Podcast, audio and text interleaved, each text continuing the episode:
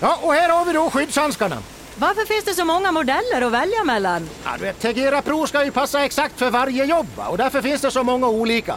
Och glöm inte att rätt skyddshandske gör halva jobbet. Okej, då tar jag två.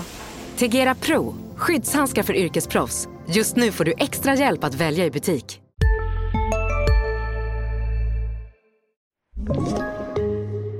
Då var det dags igen. Sanne och Svensson med avsnittsnummer 52.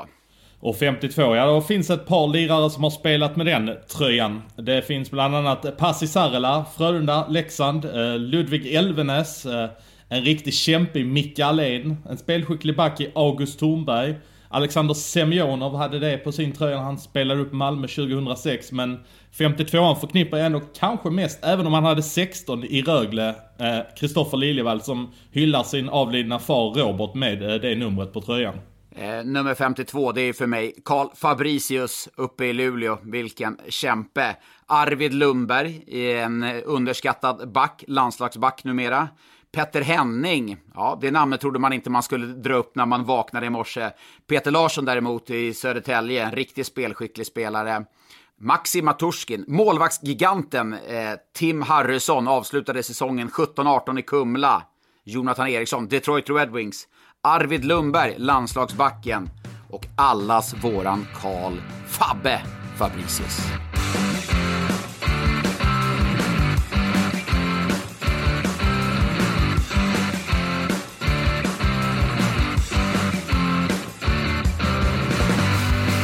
Det var ju ingen vidare lugn hockeyvecka vi kan se tillbaka på. Det var fullspäckat med matcher, det har varit heta presskonferenser och söndagskvällen en tränarsparkning, den andra i raden den här säsongen. Det var Bert Robertsson tidigare och nu var det Niklas Ram.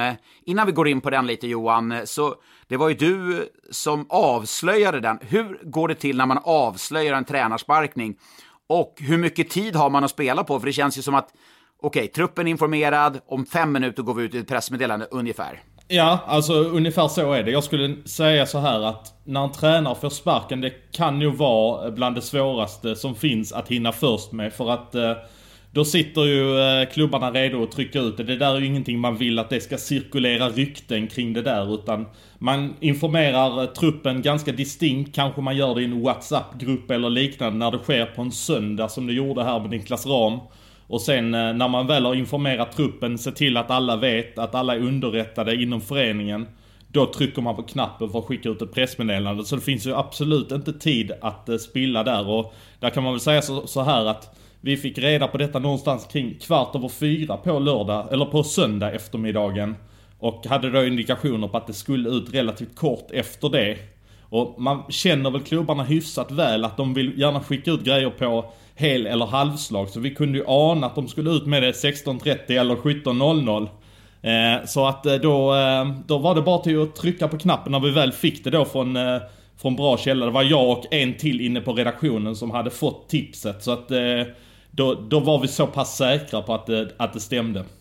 För det, det är ju inte ett läge där du kan ringa tio människor för att verifiera uppgiften. Det var så pass säkra källor du hade då.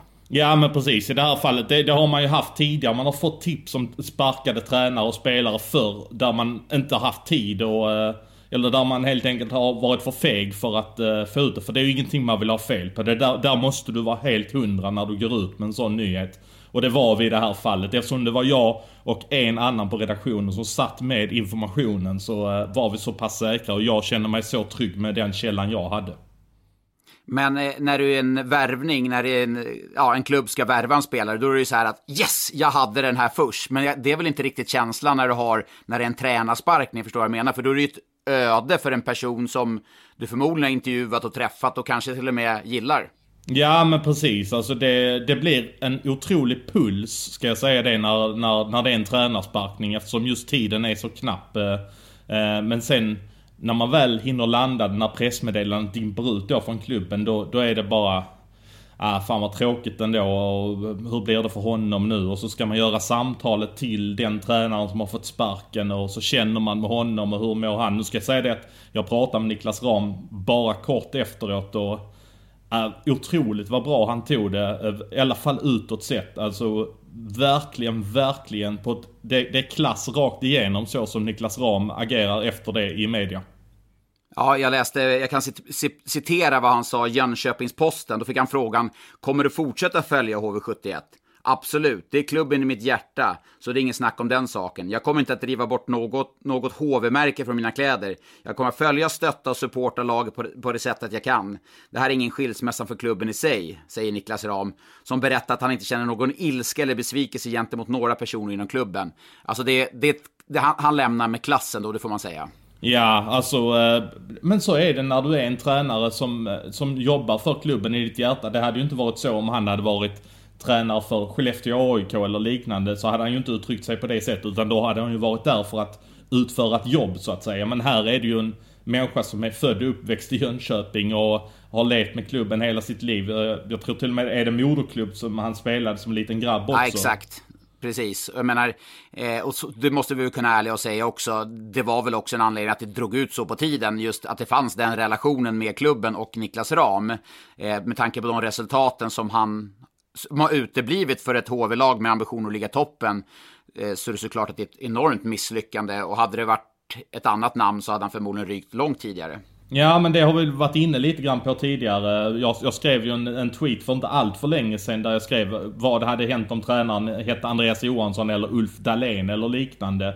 Och då, då, var det väl lite det jag var inne på att det här är ju ingenting man bara gör sådär utan det är ju nackdelen när du har en ja, ska man kalla det ikon eller en med klubbhjärta som, som är huvudtränare och dessutom så pass nära med sportchefen. Jag menar han och Johan Hult har ju, de, deras familjer känner varandra jätteväl och Ja, det är, och han hade ju inget ont att säga om det, naturligtvis utåt och alltså det är ju tufft även för Johan Hult som, som ändå måste meddela en riktigt nära vän ja. och Ja, och det är han som har ansatt honom också. Det är han som har anställt, eh, gett honom det här förtroendet. Så det är klart att det är ett misslyckande för Hult eh, att behöva ta det här beslutet. Men det är ju ofrånkomligt. Inga vänskapsband ska ju sätta klubbmärket före. Det, det är oacceptabelt på så sätt. Så att... Eh, jag tycker att det är helt rätt. Eh, det här är det enda sättet att få en klubb att börja om, eller en klubb, en spelartrupp, ett lag och liksom ta ett nytt avstamp. Eh, det hade aldrig gått med Niklas Ram. Hade det gått den här säsongen så tror jag inte man hade kunnat fortsatt under sommaren och så in på en ny säsong, utan man behövde bryta helt enkelt för att få ett avstamp och det tror jag man kommer få med Lilleslund och skulle nog tippa på tre, fyra värvningar i alla fall. Ja, det är så pass du tänker att det, det, det kommer ja, att röras om ordentligt. Ja, det, det, tror jag definitivt. Alltså HV har ju varit ganska öppna med att det finns en kassa, det finns pengar att röra sig med. Så att det, det är klart att de två backar, två forwards skulle inte förvåna mig med det lilla minsta. Nej, och, och, om det nu kommer in det så kommer det ju vänta, nu säger jag ordet, men det kommer ju vänta en process för spelartruppen att, eh, att få in eh, nya spelare. Det blir en omordning i hierarkin i laget och så vidare. Så då måste man ha lite respekt för att det kommer ta sin lilla tid också. Så är det ju såklart. Sen kan det alltid vara lättare. Lag som går dåligt, då är det lättare att få in spelare som, som man ändå värvar för att vara i toppen av den där hierarkin som du pratar om, eller toppkedjor. Sen är det klart att om de, om de inte presterar som typ Ryan Stoa inte har gjort, nu har han varit, visserligen varit sjuk, men han presterade inte innan, då är det klart, då kan det bli lite kom mer komplicerat. Och sen så kommer det ju försvinna spelare ut också. Emil André som spelar JVM, han har ju inte tagit plats här nu efteråt och där hör jag att det kommer vänta en utlåning till Hockeyallsvenskan. Eh, de håller på att prata med Västervik nu är vad jag hör och det kommer nog förmodligen kanske till och med vara klart när den här podden släpps. Eh, utan de, de håller på att diskutera det sista. Det handlar väl egentligen om att Johan Hult ska godkänna det hela nu. Eh, och det är ju bra för Emil, framförallt eh, som behöver speltid. Eh, jag hade nog, jag hade bara känt på den här, sukta lite på den. Eh, om han hade blivit utlånad hela säsongen, Timrå. Som, som, nu har man eh, visserligen värvat Alexander Lindelöf där, men vore inte det en spelare som, som är klippt och skuren, ung kille på väg någonstans uppåt i karriären i Timrå?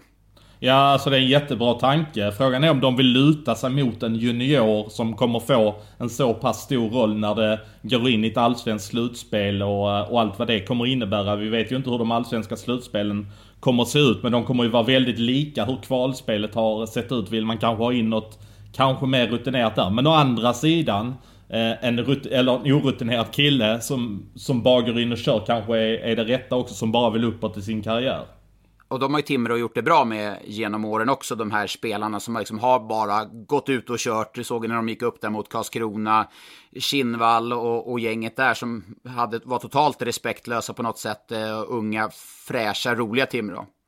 Men du, jag, jag, sa ju fyra värvningar sa jag att det blir. Mm. Den här, vad tror du om den här värvningen? Kom tillbaka nummer 10. Allt är förlåtet, allt är glömt. Martin Törnberg. Oj, eh, Martin Törnberg, ja alltså... Eh, Men varför, in, varför inte? Varför inte? Nej, det skulle ju egentligen vara, eh, om HV vill så tror jag ju att Martin Törnberg också kan släppa allt som har varit. Det har ju varit lite gnäll i sociala medier, hans pappa har varit ute och svingat och så vidare. Men jag tror men har, att... Har inte, det varit, ringer... har inte det varit lite mot, det har varit lite mot firma Hult Ram, nu när Ram inte är där, Lilly säger att okej, okay, jag behöver få in lite rutin, jag behöver få in något HV-hjärta, jag behöver få in en puls. Eh, det är klart att om Lilly säger det som är huvudansvarig nu, varför skulle inte Hult lyssna på det och en förhållandevis då billig spelare som plockas in och kan göra ett bra jobb? Ja, alltså jag är absolut inte emot tanken på något sätt. Jag tycker snarare att den, är, den känns, om man nu får säga fräsch i, i de här sammanhangen med Martin Törnberg. Men det känns ju ändå som en spelare som skulle brinna för klubben. Han skulle aldrig acceptera att, eh, att HV riskerade att åka ur. Han skulle ge allt i varje situation, även om det skulle bli ett kval. Och, Ja, han har ju lite erfarenhet från kvalspel från Oskarshamnstiden ju. ja, då får du gräva långt tillbaka. Men det jag menar är liksom att få ett vackert avslut. Det här handlar inte om att ta tillbaka Martin Törnberg för att han ska spela till sig ett ettårskontrakt eller tvåårskontrakt, utan det handlar om Martin, vi är i en skitsitt just nu. Du behöver hjälpa till att rädda oss. Han, det skulle ge honom en avslutning på karriären lek med tanken att det skulle bli kval, HV skulle vinna ett kval. Det skulle ju vara som ett SM-guld för dem, förstår du vad jag menar? Ja men, ja men verkligen, alltså det här med kvalspel, det ska man inte underskatta känslan av att vinna kvalspel och Alltså jag menar, det står ju mer på spel i ett kvalspel än vad det gör i en SM-final. För en, ett kvalspel kan förändra en hel tillvaro. Så är det. Eh, ett lag som definitivt inte behöver kvala, det är ju Rögle. Det var ju också Rögle som fick den berömda bägaren att rinna över när de eh, körde över, får man ändå säga, HV71 i lördags med 5-1. Ja, jag satt och såg den matchen eh, på, eh, från min TV-soffa och eh, Rögle var ju grymt överlägsna i 5 mot 5 spelet. HV har ju, har ju ett bra powerplay. Men de brände till och med 5 mot 3 och man såg att de höll klubbarna stenhårt, HV-spelarna. Och kändes inte riktigt som de trodde på det ens där. När de fick ett sånt läge och gå upp till 2-2. Sen är det sån klass som som Tampellini visar upp när han gör bort Emil Johansson och sen så Adam Edström också när han går upp. De går alltså upp från 1-2 till eh, 1-4 i matchen och bara stänger igen butiken totalt och sen är det ju inget snack om saken. Men överlag under de 60 minuterna så det kändes ju hela tiden som att Rögle är alltså en, två klasser bättre än vad HV71 är. Och det trodde man ju inte man skulle säga för ett år sedan kanske. Nej, men känns det inte också så att det, det var ett mardrömsläge att möta Rögle också som hade förlorat mot Växjö, som hade förlorat mot Leksand, kommer in där, att då är de på jakt på något sätt liksom. Ja, ett Rögle som förlorat eh, alla tre matcher på en och samma vecka, det finns ju i stort sett inte. Nej, inte numera. Men du, eh, Malmö har ju varit eh, coronasjuka, vissa spelare, vilket har gjort att de har stängt ner verksamheten. Vår planerade tripp till Gävle där i tisdags, den ställdes ju in. Jag hade ju förhoppning att du skulle komma upp och se Brynäs-Djurgården som, som de matchen lite snabbfotat blev, men det, det, det hoppade du, det var lite synd. Ja. Har, du har bara sett och göttare och mulla på i soffan nu eller hela veckan? Ja, ja, men det har jag faktiskt. Det har varit rätt skönt faktiskt att göra det. Man blir lite halvlat sådär, men, och samtidigt så känns det som man tappar lite kontakten också framförallt med det här Malmölägret som man ändå träffar någonstans ganska ofta. Jag, hade ju, jag, jag var ju helt bortkommen på den här värvningen de gjorde eh, under lördagen. Jag pratade med dem på onsdagen eller någonting. Nej men det blir ingenting. Ja, det, jag Nej, det, där tappar du helt ju. Det var ju, vad heter han, Matt Pample eller hur, hur uttalar man det? Eh, eh, ja, Pample eller Pample, ja jag vet inte. Jag, jag har inte ens hunnit så långt. Det har varit mycket annat som har hänt. Men eh, nej, jag pratade med eh, dem eh, där på, eh, under veckan och sen, eh, sen har jag egentligen kopplat bort dem helt. Tänkte jag, ja men då behöver jag inte höra någonting för dem på en vecka här nu. Och sen, eh, sen bara drämmer de dit en värvning. Som i sig är logisk eftersom Adam Bodecki missar resten av säsongen.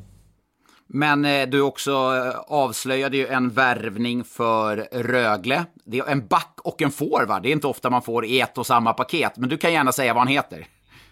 Ja, han heter Joe LaLeggia. Kan det vara rätt?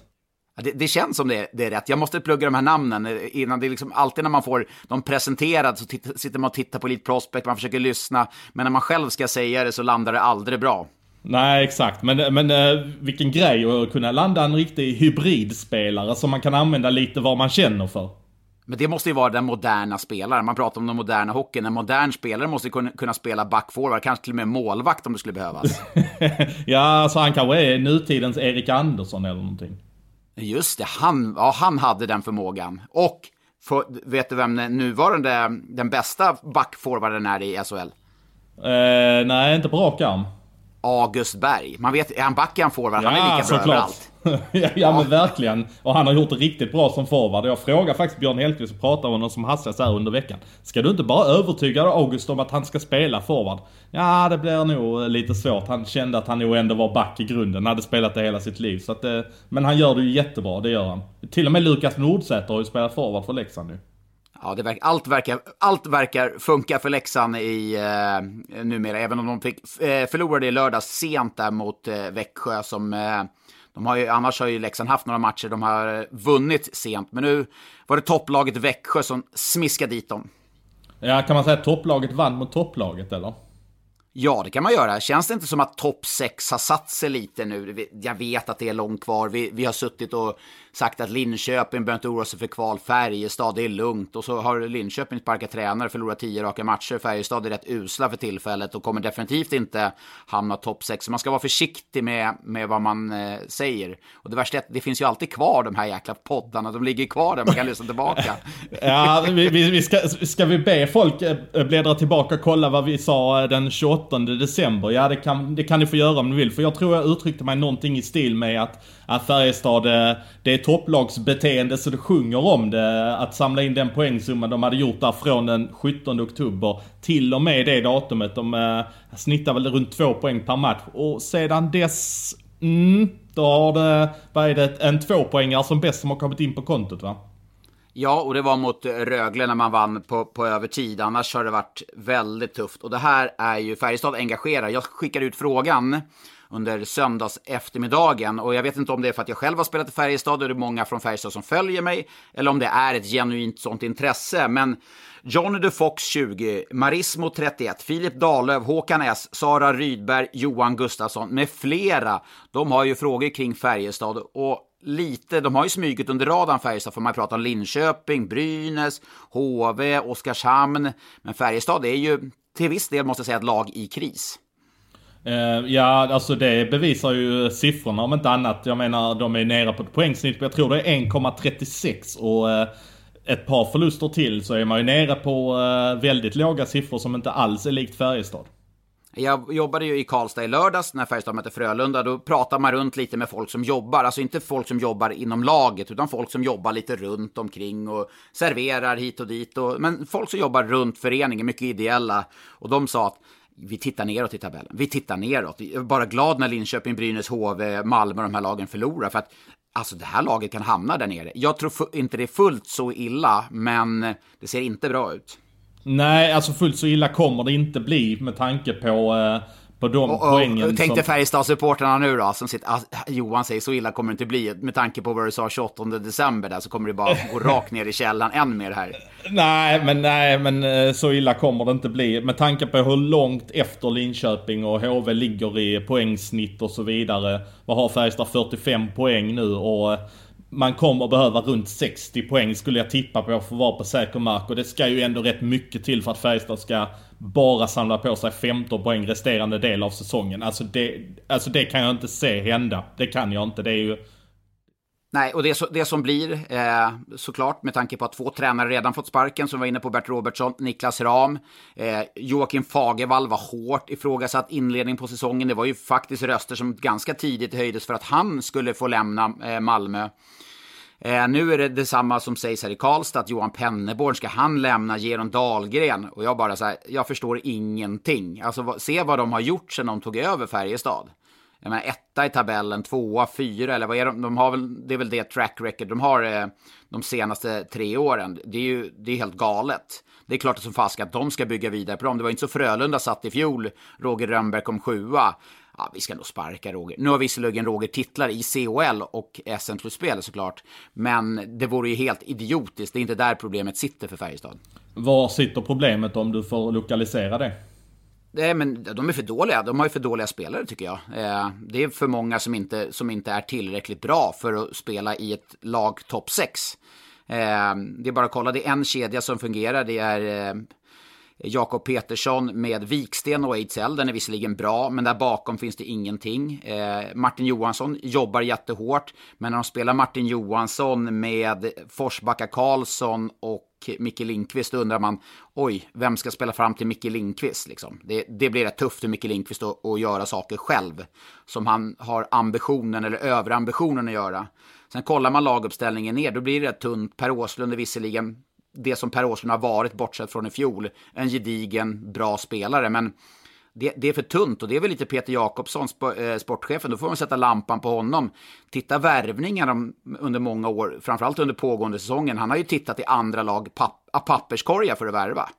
Det, det, det, får vi vara ärliga och säga. Det är bara Albin Eriksson, Jakob Forsbacka Karlsson, eh, Pontus Widerström som jag visserligen gillar jättemycket. Det är bara spelare som har blivit överflödiga i andra lag som har plockats upp till Färjestad. Du är inne på Jakob Forsbacka Karlsson där nu har han fått några matcher på sig och du, du såg honom när Färjestad spelade i Göteborg. Du såg honom nu när Färjestad mötte Frölunda i Karlstad. Blir det bättre för honom? Nej, han måste ta steg ner, eh, Jakob. Han, han, måste hitta någon roll i ett lag där han får spela, där han får... Eh, jag tycker hockey bara var roligt. Få, få, ja, men putta ner han till Västervik eller någonting sådär. Att liksom hitta hitta glädjen där du får i Hockeyallsvenskan, vad som helst. Det, SHL är lite övermäktigt med det dåliga självförtroendet som han har nu. Det, det håller inte. Det är ju egentligen helt sjukt att, att det ska vara på det sättet med tanke på att han ändå var snudd på eh, fast i NHL när han kom hem till Växjö. Hur snabbt det ändå har gått utför om man nu får säga så. Ja, det är, det är helt sanslöst. De var ju liksom nästan chockade Boston när han lämnade. What? Ska han lämna? Han är ju liksom på väg att ätas in i vår laguppställning. Han hade gått liksom Bostons resa där i Providence och skolats i deras system och så vände han hem. Och då var väl alla var väl rätt eniga att eh, Henrik, det här är klassiskt Henrik Eversson-värvning. De, de hittar spetsen som ingen annan. De bara chockar. Men ja, det har blivit, eh, för att ta klarspråk, det har blivit praktfiasko. Jag lider ju såklart med Forsbacka Karlsson som borde ha bra mycket mer i sig än man har visat upp. Ja, nu bjöd du på en riktigt bra övergång för mig här. Forsbacka ligger ju strax utanför Gävle, eh, staden eller byn eller orten eller vad man säger, Forsbacka. Och det är ju oundvikligt att prata om det som hände i Gävle under lördagen. Det var ju ändå snackisen fram till att Niklas Ram fick eh, sparken eh, under söndagen. Det som hände på presskonferensen och vi kan väl ta och lyssna på det. Var, varför, varför kan ni aldrig erkänna en huvudtackling? Alltså, det var sjukt dåligt gjort. Men vad, du säger att han sträcker sig efter pucken. Han sträcker sig efter pucken. Ja, och sätter upp armbågen och träffar med huvudet. Han gör så här. Ja, nej, men det kan inte jag se på de bilderna jag har. Ni kanske har bättre bilder. Att det ska vara så jävla svårt Annars skulle jag erkänna om det var så. Jävla feg. Va? Feg är du. Varför det? För att du inte törs erkänna dina fel. Om jag inte har sett bilderna, vad ska jag göra? Titta ordentligt. Ja. Ni kanske har bättre bilder än vad jag har sett i alla fall. Ni har precis samma bilder som vi har. Ni har datorer med, ni kan ta fram bilder ja, varje gång. Ja. ja. Stå för någonting någon gång. Så jävla fega allihopa. Aldrig vågar stå och säga någonting. Ja, och bakgrunden till den här hetsiga stämningen är då den tacklingen som Darren Nowick delade ut på Greg Scott som eh, fick Peter Andersson att gå upp lite grann i varv om vi säger så. Ja, verkligen. Eh, Peter Andersson kom till presskonferensen känslomässigt väldigt eh, påverkad såklart. Eh, han visste förmodligen att det var väldigt illa med Anton Rudin som det visade sig hade brutit handleden eller något ben i handen, gipsad borta. Prognosen ser ju inte positiv ut, speciellt det där tajta tidsschemat. Jag kan säga som så här att när det gäller Anton Rudin så är prognosen vad jag hör 8 till 10 veckor. Det är ju resten av grundserien. Oj, fy Fa, ursäkta. Ja, nej, men då okej. Okay. Eh, men Peter Andersson kom till presskonferensen, hade då pratat lite, förmodligen med, med Gary Scott, och såg att han var väldigt illa däran och jagade upp sig själv väldigt mycket. Och det vart ju en het stämning. Alltså, jag på något sätt kan gilla att det inte är något filter där. Det är klart att det är lätt att sparka på Peter, det är lätt att eh, sparka på klockar som borde sagt si och du borde ha gjort så. Men det var inga filter, det var rakt och ärligt och på något sätt så jag uppskattar när det är så, när det ändå Ja, när det, när, när det är på riktigt. Ja, alltså verkligen. Ja, det, det, där är sånt typiskt. Vissa saker ska tas bakom stängda dörrar, men en sån sak kan jag verkligen uppskatta att man tar eh, inför enad presskår. Att Peter Andersson verkligen Ja, han säger vad han tycker och, och det är inte första gången Peter gör det kring den typen av grejer. Han, hade ju, han har ryckt ihop med till exempel Roger Rönnberg tidigare när han var i Malmö. Ja, eh, och han står upp för sina spelare på samma sätt som eh, Robert Olsson någon vecka innan stod upp för sina spelare, på samma sak som Stefan Klockare står upp för, står upp för sina spelare. Tacklingen i sig, jag gillar inte den tacklingen. Jag, jag skrev om den i söndags och det vållar ju väldigt mycket känslor. Jag, jag, försöker undvika att skriva allt för mycket om tacklingar. Jag vet att Hans Abrahamsson, den skickliga kollegan på bladet, han säger samma sak. För att man landar aldrig rätt när man skriver om tacklingar. För att oavsett eh, orden värderas, du har en lagtillhörighet, vilka du håller på, hur du ser på hockey hur du ser på en spelare, en specifik spelare. Greg Scott, ja men han är en filmare, han ska göra si, han ska göra så. Så det landar aldrig, den diskussionen går aldrig att landa in bra. Men jag gillar inte den typen av tacklingar, punkt. Eh, det är en tackling som kan, det kan förstöra en karriär. Eh, kan, kan du förklara eh, i den tacklingen då för eh, de som inte riktigt har grepp om det. Vad är det som inte landar rätt när han delar ut den tacklingen? Det är, Greg Gott har i, i, första skedet har han ryggen mot spelet. Det finns inget, han kan inte se eh, att eh, Nowick eh, tar sats mot honom. Eh, han kan inte se det. Sen vänder han för att han är i en situation han ska hjälpa Marcus Björk i sarghörnan. Han vänder lite till höger, så kommer pucken eh, förbi honom. Så vänder han snabbt till vänster. Och precis när han gör det får han pucken, då smäller det. Eh, då har Darren Nowick, han äger den situationen enligt mig. Han har eh, 1,2 sekunder ungefär. Förut så pratade vi om Nowick när han körde på Jakob Josefsson. Då tror jag vi landar på 11 delar va. Nu är han över sekunder när han har ett beslut han kan ta. Han ser att Greg Scott inte ser honom. Det vet man som spelare. Hur vet jag det? Jo, för jag själv har delat ut de där tacklingarna. Jag har själv delat ut de där tjuvsmällarna. Man älskade, man bara smög upp på folk och bara körde över. Men då, det var ingen som sa något då. För det var, det, var en så, det var en sån aspekt, det var en del av hockeyn. Det var ingen som visste det här om hjärnskakningsproblematiken. Folk slutar på det sättet. Eh, så att jag tycker inte att de här tacklingarna ska göra. Och svar som, man ofta, som jag ofta får när jag skriver om tacklingar. Ja men du då, du har ju delat ut massor, hur många hjärnskakningar har du delat ut? Svar ja, åt helvete för många jag delat ut. Men å andra sidan kan jag referera för jag vet ju hur man tänker. Fråga mig, hur gör man i ett friläge? Och hur fan gör vi då, tänker jag. Men hur gör man i en tacklingssituation? Jo, men det vet jag ju, för jag har delat ut hundratals tacklingar genom åren. Och många har varit jävligt fula, det ska, det ska vi vara ärliga och säga. Så det är klart, jag, jag, jag känner igen en tackling när, som jag inte gillar. Jag, då, jag ser den när jag inte gillar den. Då vet jag, jag vet vad det är. Jag vet hur han tänker. Jag vet hur Novik tänker i det läget.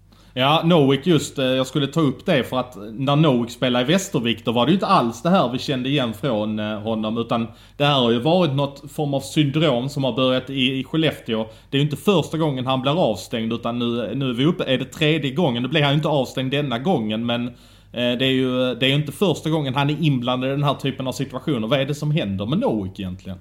Nej, men det är då man måste värdera vad, vad Novik, vad, vad ger han till laget? Jo, han ger energi. Men vad kan det kosta? Jag tänkte i en match när det står och väger och han väljer att sätta in den här typen av tacklingar. För det är jävligt små marginaler han spelar med. Jag tycker, när man zoomar in, så tycker jag att smällen tar i huvudet. Vilket eh, andra folk inte tycker. Och det får man respektera. Det är höger och vänster, man tycker si och tycker så. Och den vart inte anmäld, så då var det ju fler, kanske ännu mer kunniga folk än, vad, än jag, som tyckte att den inte tog i huvudet.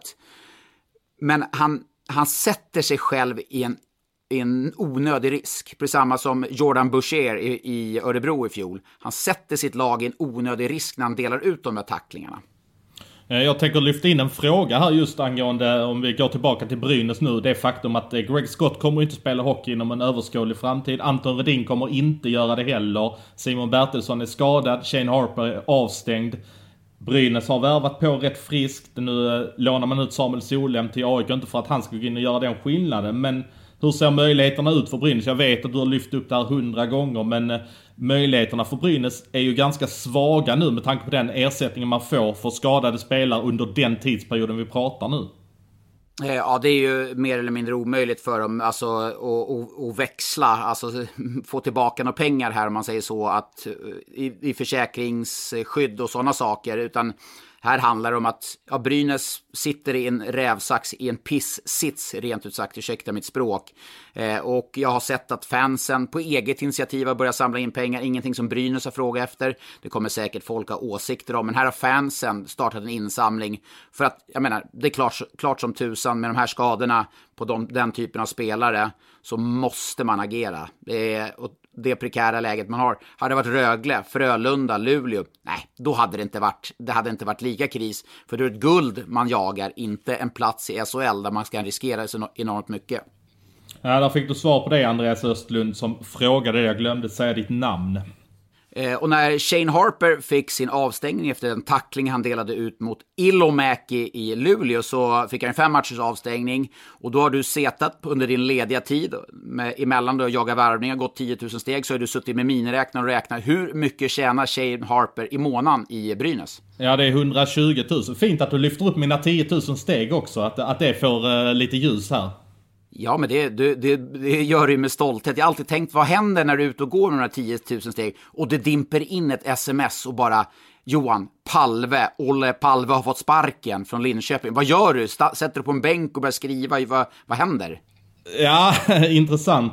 Jag, jag försöker på vardagarna. Antingen tar jag det tidigt på morgonen, oftast inte tidigt på morgonen för jag vaknar alldeles för sent. Eller så får jag ta det när eh, när arbetsdagen är slut så att säga och går mina steg. Men skulle det inträffa mitt på dagen då skulle min första åtgärd nog vara att ringa min kollega Adam Johansson och se till att få ut eh, grejerna fort som fan rent ut sagt. Eh, hur, hur, ehm. långt ner är jag på den listan, på ringa-listan? Alltså hur många personer är det som är före mig på den ringa-listan? Eh, när du måste få ut någonting fort som fan. Ah, du, du kanske inte är den snabbaste på tangenterna med all respekt för dig. Men ah, du är faktiskt ganska snabb på tangenterna. Du brukar vara ruggigt snabb när du skriver krönikor. Alltså det går ju fort när det ska vara tyck och du blir ofta involverad i nyhetsarbetet. Och kan vi få ett eh, tyck eh, från dig på det här? Du var ju svinsnabb eh, bland annat när Ram fick sparken och det var ju din krönika som sedan toppade upp sajten. Så att, nej men Adam har ju det här nyhetsjobbet och tillgången till systemen och så vidare. Jag, jag vet faktiskt att det hände tidigare höstas när Västervik skulle värva in Marcus Davidsson och återförenas med Jonathan Davidsson och Axel Jonsson Fjällby tror jag det var. Det var i alla fall när alla tre skulle återförenas i Västervik. Då fick jag tipset mitt ute under en promenad och då ringde jag till Adam och sa se till att få, in det, eh, få ut detta fort som tusan och, och det löste han ju galant. Då kände man bara, det här är ett stickspår som jag i, i grunden älskar. När Västervik värvade Marcus Davidsson kände man, oj, Marcus Davidsson till Hockeyallsvenskan. Nu har du 10 000 kronors frågan Johan. Hur många poäng har Marcus Davidsson gjort i Västervik på 18 matcher? Oh du, den är svår. Jag drar till med att han har gjort 8 poäng. Hälften av 8. 1 plus 3, 4 poäng på 18 matcher från Marcus Davidsson som lämnade Djurgården som en landslagsspelare. Nu eh, ingen poängspelare i, eh, i eh, Västervik i alla fall. Men var var vi någonstans? Eh, ja, men vi kan ta upp lite där Olle Palve då. Han, eh, han avslöjade också att han lämnar Linköping. Ja, där fick jag också. Eh, då satt jag tack och lov eh, hemma. Det är ju bara hemarbete som gäller eh, numera de här tiderna. och där, ja, där, var, där gällde det att agera snabbt också. När spelare ska få lämna, då är det inte lika stor panik som när en tränare ska få sparken. För då, då påverkar det hela gruppen på ett helt annat sätt och så vidare. Men Eh, det, man vet också att där vill de nog få ut det så fort som möjligt. Första uppgiften var att han skulle petas i matchen eh, efter där eh, som de spelar på lördagen. Vilka var det de mötte då? Oskarshamn. och ehm, Ja, det, det, som jag tror var det som fick bägaren att rinna över var att han tog en så fruktansvärt korkad utvisning mot, eh, Leksand, i, eh, mot Leksand i anfallszon och det var liksom över tid att det är en massa sådana saker som påverkar. Att då fick det helt enkelt vara nog med tanke på den ledande spelaren han skulle vara. Innan de värvade Marcus Ljung så var det ju faktiskt tilltänkt så här att Ulla Palve skulle vara deras första center. Det var ju en jäkla tur rent ut sagt att de lastade upp de pengarna de gjorde på Marcus Ljung. Just nu pågår vår stora season sale med fantastiska priser på möbler och inredning. Passa på att fynda till hemmets alla rum, inne som ute, senast den 6 maj. Gör dig redo för sommar. Välkommen till Mio. Hej, Synoptik här. Visste du att solens UV-strålar kan vara skadliga och åldra dina ögon i förtid? Kom in till oss så hjälper vi dig att hitta rätt solglasögon som skyddar dina ögon. Välkommen till Synoptik. Ja, det kan man säga. Det, det hade de suttit rejält i, i, i, nere i gyttjan som, som de visserligen redan gör. Men du, jag vill tillbaka återigen till Harpers lön. Du räknade ut i alla fall en baklängesläkning och du landade på 120 000 på Shane Harper. Och jag såg att folk gick bananas. I dessa tider man betalar 120 000, hur kan man göra det? Nej men det, alltså visst det, det, kan man säga. Men vad är det? Fyra månader kvar och det är eh, 120 000 gånger fyra. Det är, vad blir det? 480 000 plus sociala då. Eh, om man nu betalar sociala på en sån spelare. Jag är väl ingen skatteexpert på det sättet. Men eh, det är ju egentligen... I normala fall så hade de fått betala kanske 100 000 euro netto för resten av säsongen för en sån spelare. Skulle jag tippa på. Så att det, det är klart att där är en coronarabatt. Men det som också är att eh, ringer Brynäs till Shane Harper och så säger hej, kan du komma och spela hos oss? Absolut, säger agenten eller Shane Harper, jag kommer. Men ringer Växjö till exempel så vet ju Shane Harper och agenten, okej, okay, här har vi chansen att vinna guld. Till exempel som Andrew Calof när han värvades. Då blir det ju inte samma peng. Det är ju liksom, som spelare vill du ju, okej, okay, jag kan komma för den, den pengen för jag vet att där kan jag få gå långt, ja, där kan jag vinna SM-guld, där kan jag få chansen att spela till med ett kontrakt nästa år. Ja, det är, väl, det, är väl, det är väl mer den aspekten att man får chansen att gå i ett bra lag och skaffa sig ett bättre marknadsvärde inför säsongen efter. Kanske mer än, visst jag ska inte underskatta det här med att vinna saker, det är klart det betyder någonting för spelarna. Men är du en importspelare så kanske det betyder ändå mer att du får komma in i, i, i ett maskineri där du där du nästan till garanterat kommer att leverera.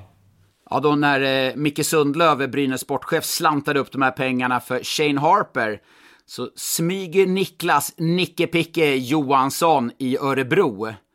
Han landar in Joshua Sang. Vet du hur mycket han betalar för honom, sa han? Nej, ingen aning. Noll kronor. Ja men det läste jag nog någonstans att det var noll kronor eller om det var någon som skrev det eller om det var du som skrev det till mig. Men äh, det är ju helt otroligt om de kommer undan med noll kronor. De måste väl i alla fall stå för någon lägenhet eller liknande. Lä lägenhet, bil och, och, en form av försäkring då, då. En sjukvårdsförsäkring som, som man måste ha. Eh, sen kanske det är lite flygbiljetter och sådana typ, typer av kostnader. Men det är ju New York Islanders som tar hans lön. Han kommer till Örebro för att få spela. Jag måste säga att det, det är en jäkla fräck värvning. För det är Josh Hoa Sang för eh, den oinsatte, förutom att det landar in rätt mycket sköna namn i SHL nu. Ja, jag skulle precis säga det. Var landar... Heter han inte Ho Sang, eller? Jo, Josh Ho Sang. Alltså, han ja, heter inte ja, Joshua. Ja, Nej, Josh ja. Ho Sang. Ja, precis. Jag tyckte du sa Hoa Sang, men då hörde ah, jag väl fel då. Ja, nej, det får vi. Det, och sa jag det så, så är jag säker på att Kim, Kim klipper bort det åt oss så att jag, jag slipper sitta där och, och skämmas. Josh Hoasang. Men oavsett det så är det en spännande spelare. Det är tidigare första runda i eh, New York Islanders. Har en historia där det har haft tvivelaktigt rykte, blivit ja, Kanadas U17-landslag, blivit anklagad för att han var självisk. Försov sig till första dagen till träningsläget New York Islanders. Är, är, är han Kanadas svar på Johan Forsberger eller? Var han? Jo, ja, kanske det han är. Det, ska vi säga det? Ska vi säga det? Ja, men Kanadas svar på Johan Forsberger låter väl hur bra som helst. Det låter ju riktigt coolt. Här, You're the Canadian answer on Johan Forsberger. Det, det ska bli första frågan. Han bara, what? Forsberger who? Alla vet väl vem Johan Forsberger är? Det är klart som tusan, det är klart som tusan. Nej, men skämt åsido. Försov sig första dagen till eh, New York Islanders och deras träningsläger, blev hemskickad. När han kom upp i NHL så valde han nummer 66. Det är klart att det blir ju, då blev det en debatt. Vad är det för ung kille som kommer upp och tar Mario Lemieux nummer? Det är få spelare i NHL som har burit nummer 66 och ingen som har burit 99 efter Wayne Gretzky. Så bara den typen av grejer har liksom spett på hans rykte som lite kontroversiell spelare, men en, riktigt stor talang. Eh, offensivt begåvad rightare som ska bli intressant att se i Örebro. Ja, och då ska han ju antagligen ersätta Mattias Bromé rakt av. Och eh, Örebro rullar ju ändå på ganska bra. Nu torskar de mot Djurgården här eh, hemma under lördagen, men... Men ändå, de rullar på och tar sina poäng och ligger där uppe i toppen. Precis strax efter den riktiga toppen. Men de har ju någon form av, vad ska man kalla slagläge, andra par invändigt eller? Ja, för att eh, tala eh, klarspråk. Gör det lite ont i dig att prata om Örebro nu? Du får mycket skit för att du aldrig pratar om Örebro. Nej, det tycker jag inte. Jag gillar Örebro. Det är den bästa arenan att jobba i. Så att eh, jag, jag skulle se fram emot ett slutspel där på pressläktaren. Man får ju man får en riktig puls när man jobbar på pressläktaren i Örebro. Du sitter nära båsen. Du sitter bara i princip två meter upp från båsen och du får en sån jäkla överblick av isen och det går, som jag varit inne på tidigare, det går så jäkla fort i Örebro. Det går, de spelar inte fortare någon annanstans än i Örebro. Ja, det, nej, det är faktiskt sant. Det, det, är en underbar arena, men Rögle, Frölunda, Växjö, Luleå känns ju som topp fyra. De har tagit ett litet avstamp där. Örebro är ju strax där bakom, men hamnar Örebro topp sex så är det, tycker jag det är eh, med beröm godkänt ändå. Ja det är det ju. Det är ju ett steg upp jämfört med förra säsongen. De började ju väldigt bra. Man tappade på våren förra året och, och landade där på play-in platserna. Men nu känns det som att de har lyft sig ytterligare en nivå då och är ett gjutet topp 6-lag för mig.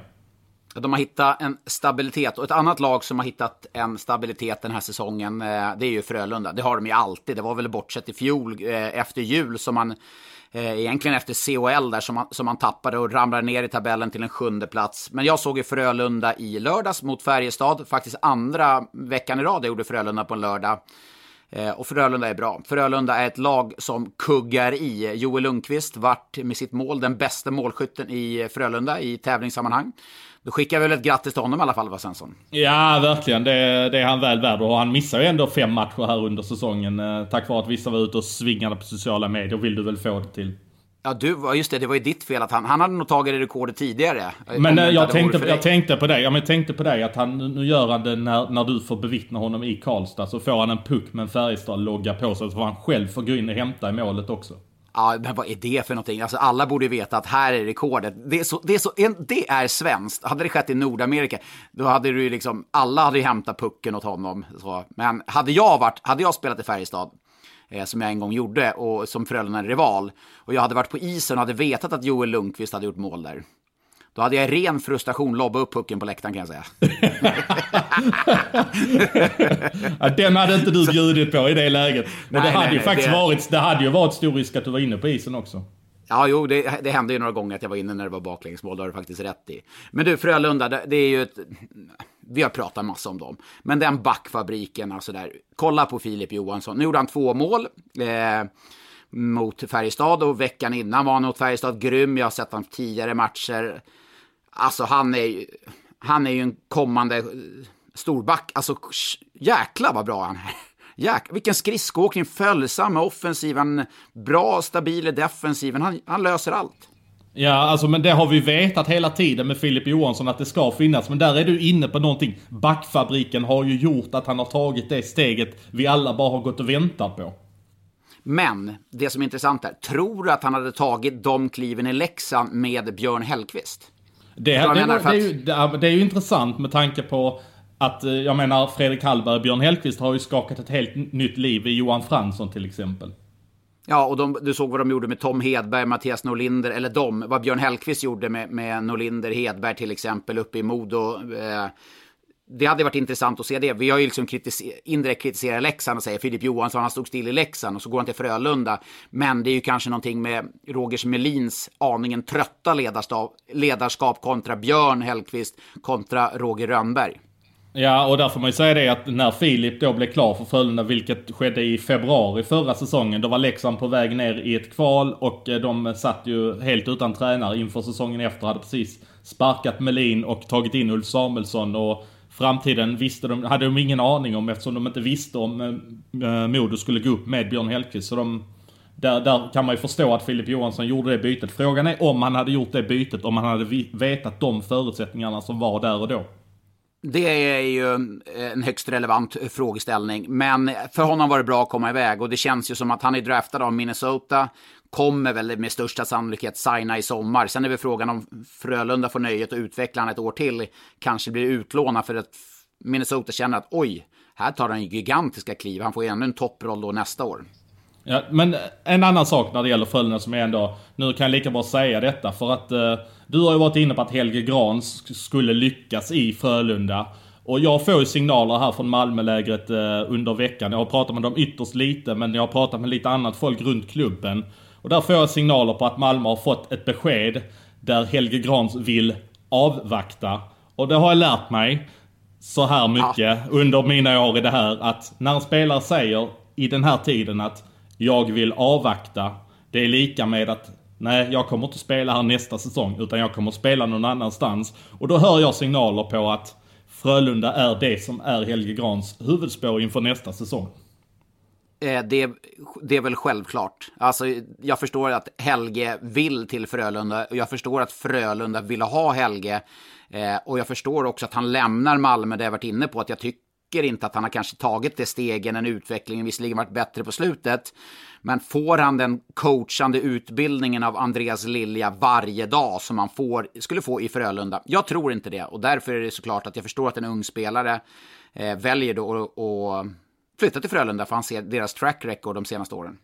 Ja, det är bara att titta på en sån som Jens Olsson. Inte för att man ska dra någon jämförelse i övrigt mellan de två, men det, är ju, det kvittar egentligen om du är en ung eller gammal back, utan det, det händer bra saker med varje back som kommer till den organisationen. Nu ska jag säga det att jag, jag är inte helt säker på att Helge har signat med Frölunda, men jag är ju helt säker på att Frölunda visar intresse. Det ligger helt i linje med hur Frölunda agerat tidigare. Till exempel Filip Johansson som körde kanske lite fast i Leksand. Eh, de, det skiljer bara något år där mellan dem och eh, och ehm, eh, Jesper Sellgren ju, eh, kommer ju försvinna inför nästa säsong. De var på Adam Wilsby. Det är ju solklart att de är ute efter den typen av back som kan ta en, en stor roll i laget. En offensiv PP-roll helt enkelt. Ja, men jag förstår det. Och eh, så, som det ser ut idag hade jag jättegärna velat spela till Frölunda också. Om jag hade varit back eh, under Roger Rönnbergs ledning med hans coachstab. Garanterat. Där förresten, när vi vinner på Roger Rönnberg här, här satt jag och lackade lite i eh, torsdags var det. Eh, vet du vilken situation jag, jag, jag, menar? Ja, om du pratar om torsdags och Roger Rönnberg så antar jag ju att det var situationen som skapade lite eh, smårabalder sociala medier när han stod och skrattade i televisionen. Men det här blir jag också så, så less på. Jag var ledig i, eh, i torsdags och satt och kollade Zappa lite matcher. Man har flödet uppe. Man, man är liksom rätt aktiv. Man är inte supersocial med sin familj när man väl är ledig en torsdag. Men det är, det är en annan sak. Men då såg jag den situationen och matchstraff i, eh, i eh, Skellefteå. Vad händer? Match Roselli Olsson. Jag ser ju att oj, ja, men det är, han åker ju in i mål, målvakten. Roger Rönnberg står på bänken och han ser situationen snabbt och han liksom, han, nej men herregud, det är ingenting att skratta lite, det där är ingenting. Han upplever säkert att eh, det är utanför. Sen ser han situationen senare och säger klart och tydligt, nej men det är ett matchstraff, eh, jag ser situationen helt annorlunda nu. Och folk går helt banan. Alltså han stod och skrattade att vår spelare blev skadad, eller vår, det var, eh, nu hänger jag inte ut Skellefteå-supportrarna, för det var lika mycket andra eh, supportrar eller annat hockeyfolk som, som hånade och Eh, spydde galla över Roger Rönnberg. Och det finns säkert gånger man kan spilla galla över, eller skälla på Roger Rönnberg, absolut. Men i det här fallet, bara lägg ner. Det är inte så att han sitter och skrattar eller står och skrattar för att Gustav Lindvall blir skadad. Det, det, det, det förstår väl vem som helst. Nej men frågan är om folk verkligen förstår det. Jag är tveksam. Alltså Roger, Roger Rönnberg är ju lite grann som... Det finns ett antal individer i hockey så här, där man går och letar fel hela tiden. Det är Dick Axelsson, det är Roger Rönnberg. Det är säkert, det är säkert, skulle det gå illa för Joel eller något sånt så är det folk som, som tycker det är jättegött och så vidare. Det, det finns ett antal sådana individer. Bert Robertson är ju en sån individ också som, som folk gottar sig åt när det går dåligt. Och det är ju de som kanske vågar sticka ut lite, folk som har vunnit saker och så vidare. Men där tycker jag, det, det, för mig blir det blir bara löjligt ju. För att det är klart som tusan, Roger Rönnberg som en ho genuin hockeymänniska. Han står inte och skrattar åt att Gustav Lindvall blir skadad. Alltså, han står och skrattar åt en situation som han upplever som inte var en utvisning. Sen om han hade fått göra om det och se hur det var direkt i situationen så är det klart att han inte hade ager agerat på det sättet. Men det är som du säger, det är som att man bara väntar på ett läge. Nu kan jag trycka dit den jäkeln för han har irriterat mig på så länge och han har vunnit. Och så blir man ännu argare men annars är ju Skellefteå ett lag som jag nej, fattar tycker för mer och mer. Jag tycker de spelar en rolig hockey. Fler och, eh, unga spelare som kommer. Ja, till och med en sån som Tyler Morley har ju sett aningen bättre ut. Eh, därför var jag lite förvånad eh, att han lämnade för Linköping som du kunde avslöja sent igår kväll. Men intressant att se honom i Linköping, även om jag kanske inte tror på någon super, super succé. Så behöver Linköping få in spelare. Ja, men de har ju ändå individer i laget. Jag menar Melker Karlsson är ju inte uppe på sin högsta nivå långt därifrån. Utan där kommer ju också finnas en massa kapacitet att plocka ut av honom. Ja, och rutinen från, från slutspel. Du tänkte ju Jocke Lindström, Oskar Möller, Melker som du sa, Petter Granberg, Nisse Burström, Arvid Lundberg och så vidare. Det, det finns ju den rutinen i laget, Kiskinen inte minst. Ja men verkligen. Och, och, i ett slutspel, när det verkligen gäller så har ju de visat sig förr och då kan just den typen av spelare bli sjukt värdefulla. Ja, de är ju för ojämna i seriespelet men när det blir ett, eh, ett slutspel då kommer de nog tända till en 10% till och då vet vi vad de kan. Ett annat lag som pulserar på, eh, inte i smyg för de eh, ligger i toppen av tabellen, det är ju Luleå Hockey. Hyfsat målvaktspar man får in nu. Med Joel Lasny, Jesper Wallstedt. Känn på den, det är ju as good ja. as it gets. Ja, det, där snackar vi ett guldpar. Men uh, hur tycker du man ska göra när, uh, när Lassinantti kommer in? Jag frågar faktiskt Ulf Engman nu när uh, Rautio lämnade om, uh, om Lassinantti är redo för spel när de ska ner på Skåneturné nästa, nästa helg. Och men det kommer dröja ytterligare lite. Då får de ju gå med eh, Wallstedt här ett par matcher. Eh, för han kommer förstå både... De spelar faktiskt både lördag och söndag Ängelholm-Malmö. Så det kan bli lite tufft för honom. Men det, det klarar han säkert av. Ja, ja. Ja, ja, det klarar han av. Och det, jag menar, det, är en, det är en prövning han måste ställas inför. Han kommer få den mass, massvis med gånger i sin karriär. Eh, men jag tror att Joel Lassinantti kommer behöva tid. Han kommer behöva en startsträcka med tanke på eh, lite stukad, inte spela på ett tag.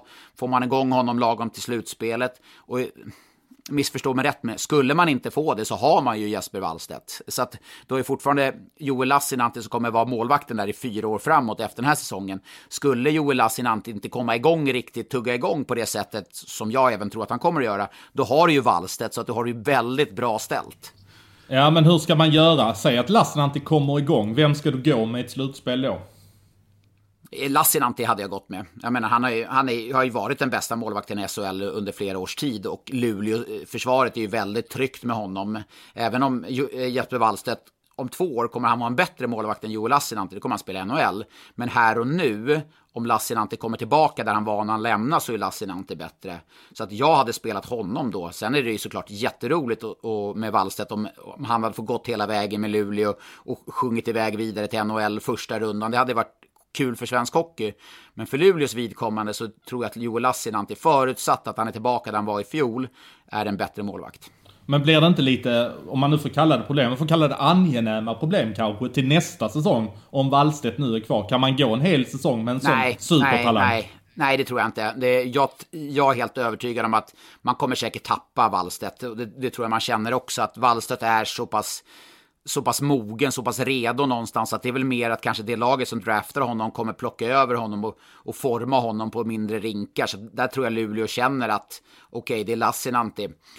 Och jag vet inte, det skulle inte förvåna mig om man då väljer att plocka tillbaka David Rautio, för där vet du vad du får bakom Joel Lassinantti. Ja, alltså, ja, ja, visst, verkligen. Och jag tror Rautio, han har inte den prestigen i sig att han skulle neka det. Jag menar Luleå är hans hemstad och skulle han veta sin roll där, han har ju haft den rollen lite grann nu också. Så att eh, varför inte egentligen? Det är en eh, ganska dåligt bevarad hemlighet att David Rautio kommer gå till Linköping. Eh, det var väl lokaltidningen Korren som var på och eh, ganska tidigt avslöjade den värvningen. Och det, det, är väl bra, det stärker målvaktssidan, men då, då sätter jag det i relation till, är David Rautio, vinner han en bästa av sju-serie mot Hugo Alnefelt slash Jonas Gunnarsson? Vinner han en bästa sju-serie mot Joe Canara? Vinner han en bästa sju-serie mot Oskar Alsenfelt? Vinner han en bästa sju-serie mot eh, Samuel Ersson?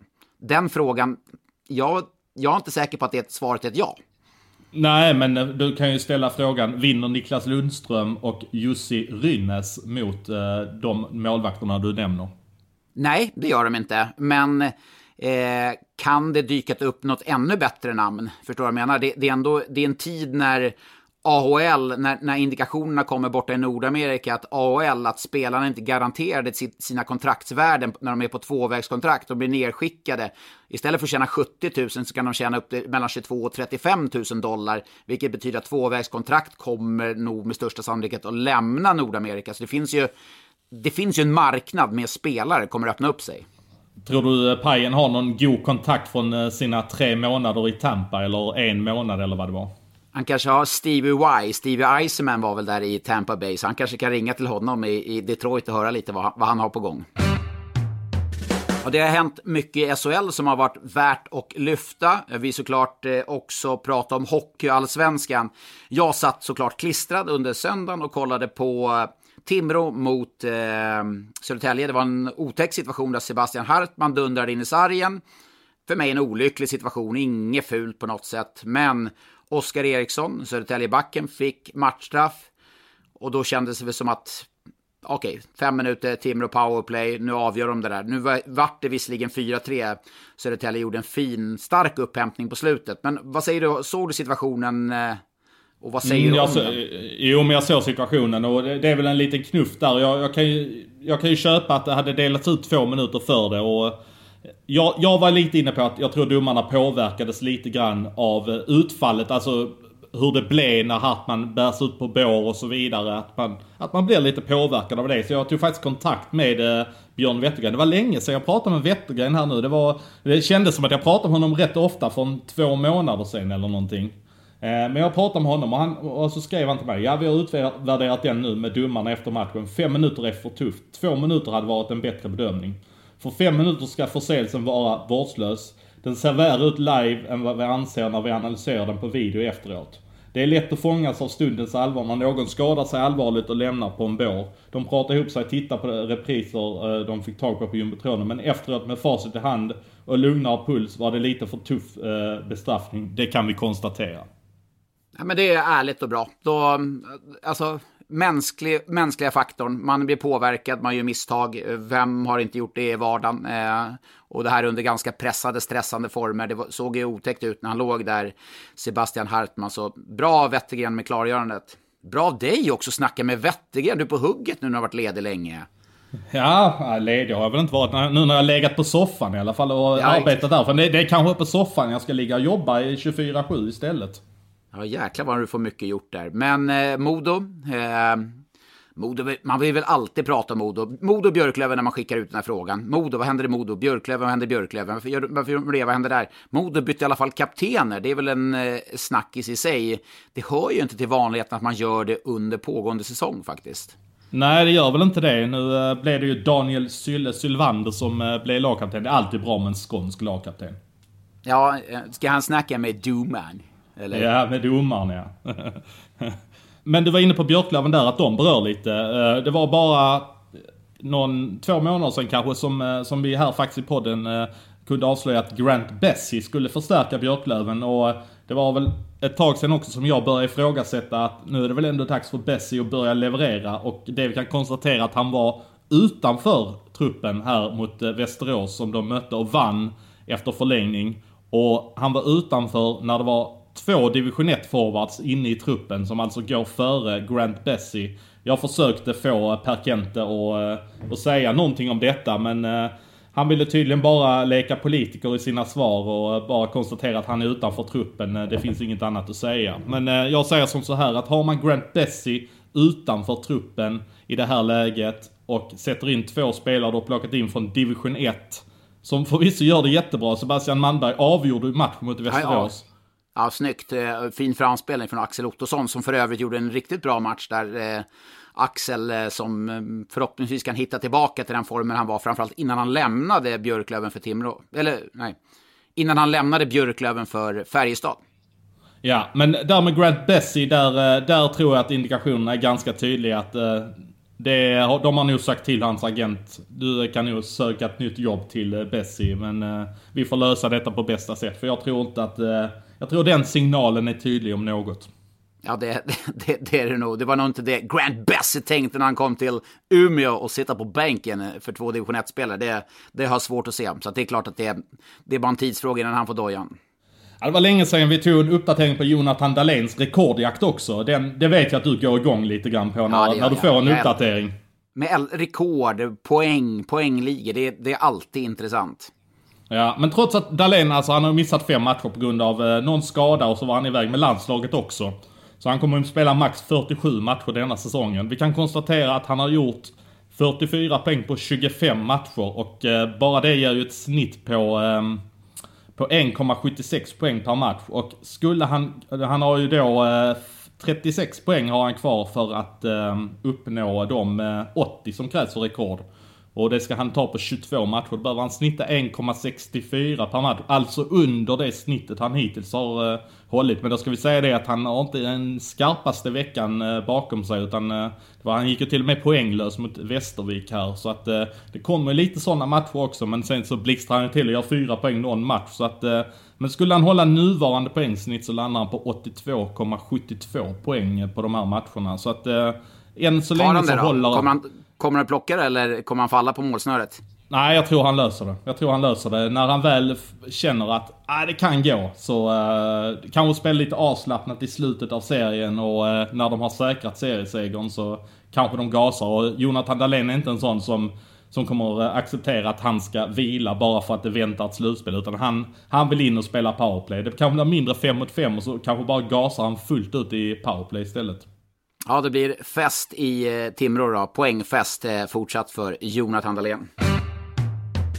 Som vanligt när vi skickar ut frågan är det stort intresse. Vi uppskattar och tackar ödmjukast för det.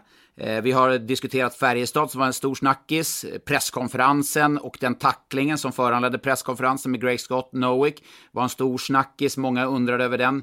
Och såklart eh, Niklas Ram som eh, frågade, pulserade där ett tag och sen när han fick sparken så då fick vi väl mer svar på den frågan huruvida han ska sparkas eller inte.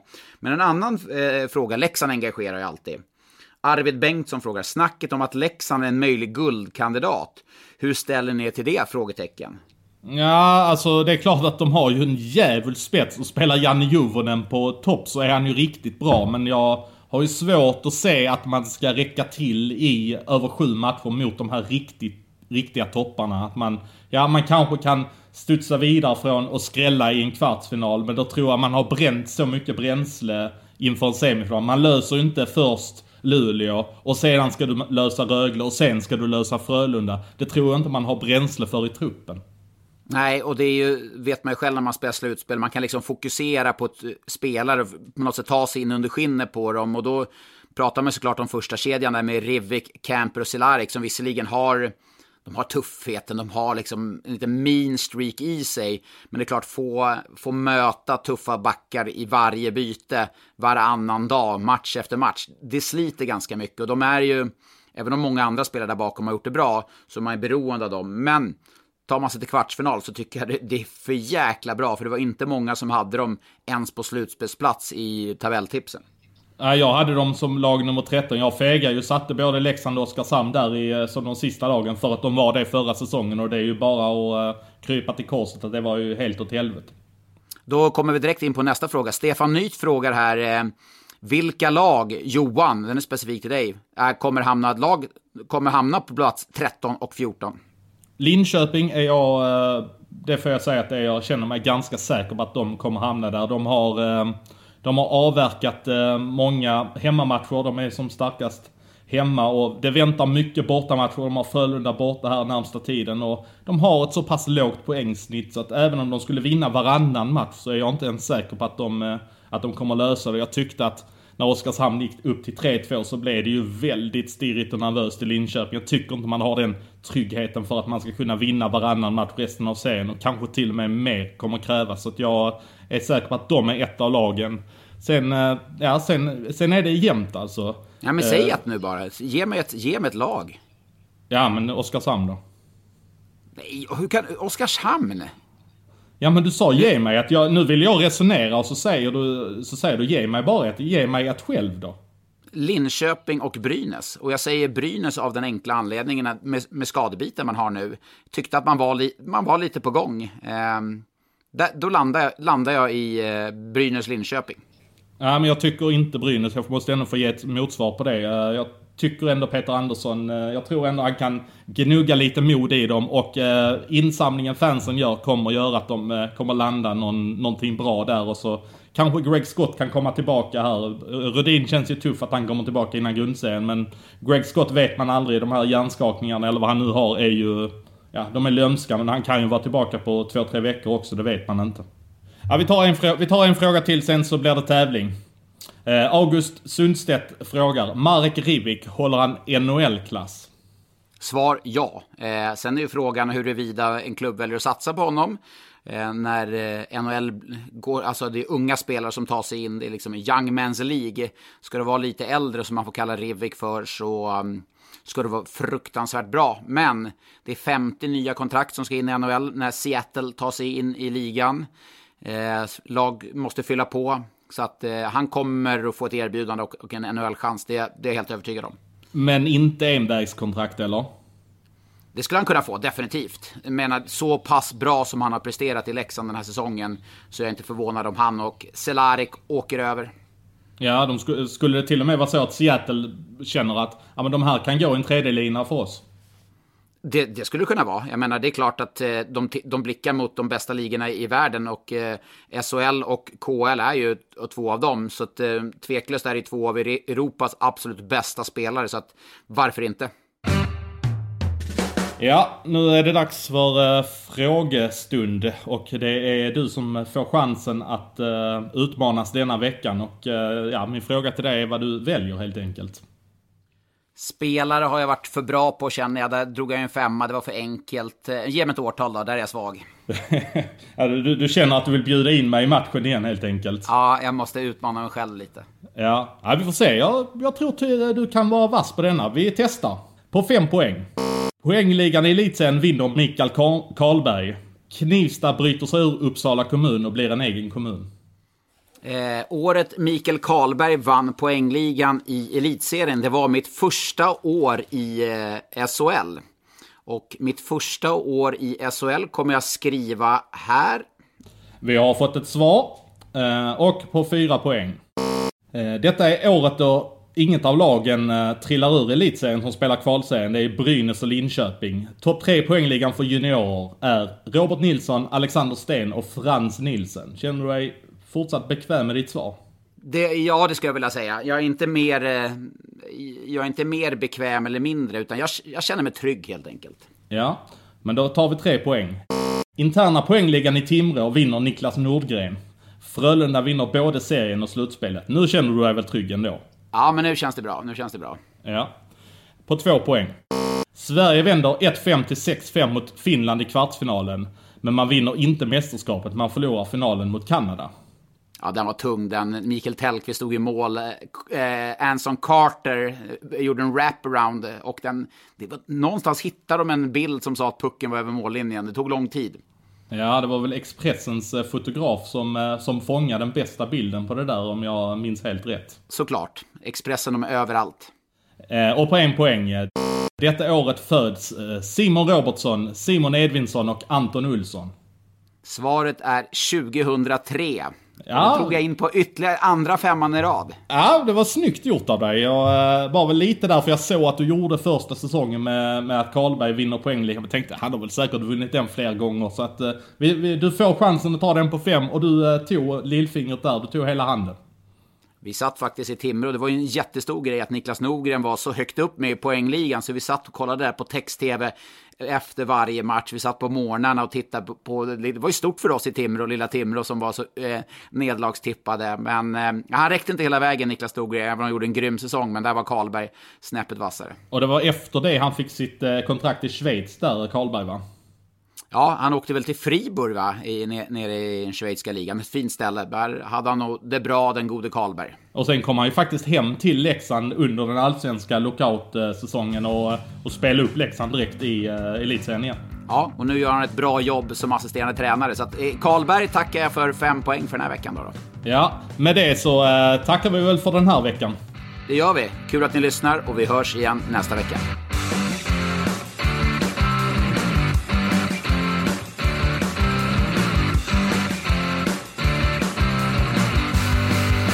Du har lyssnat på en podcast från Expressen.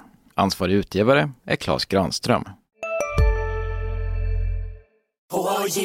På Sveriges största jackpot-kasino går hypermiljonen på högvarv.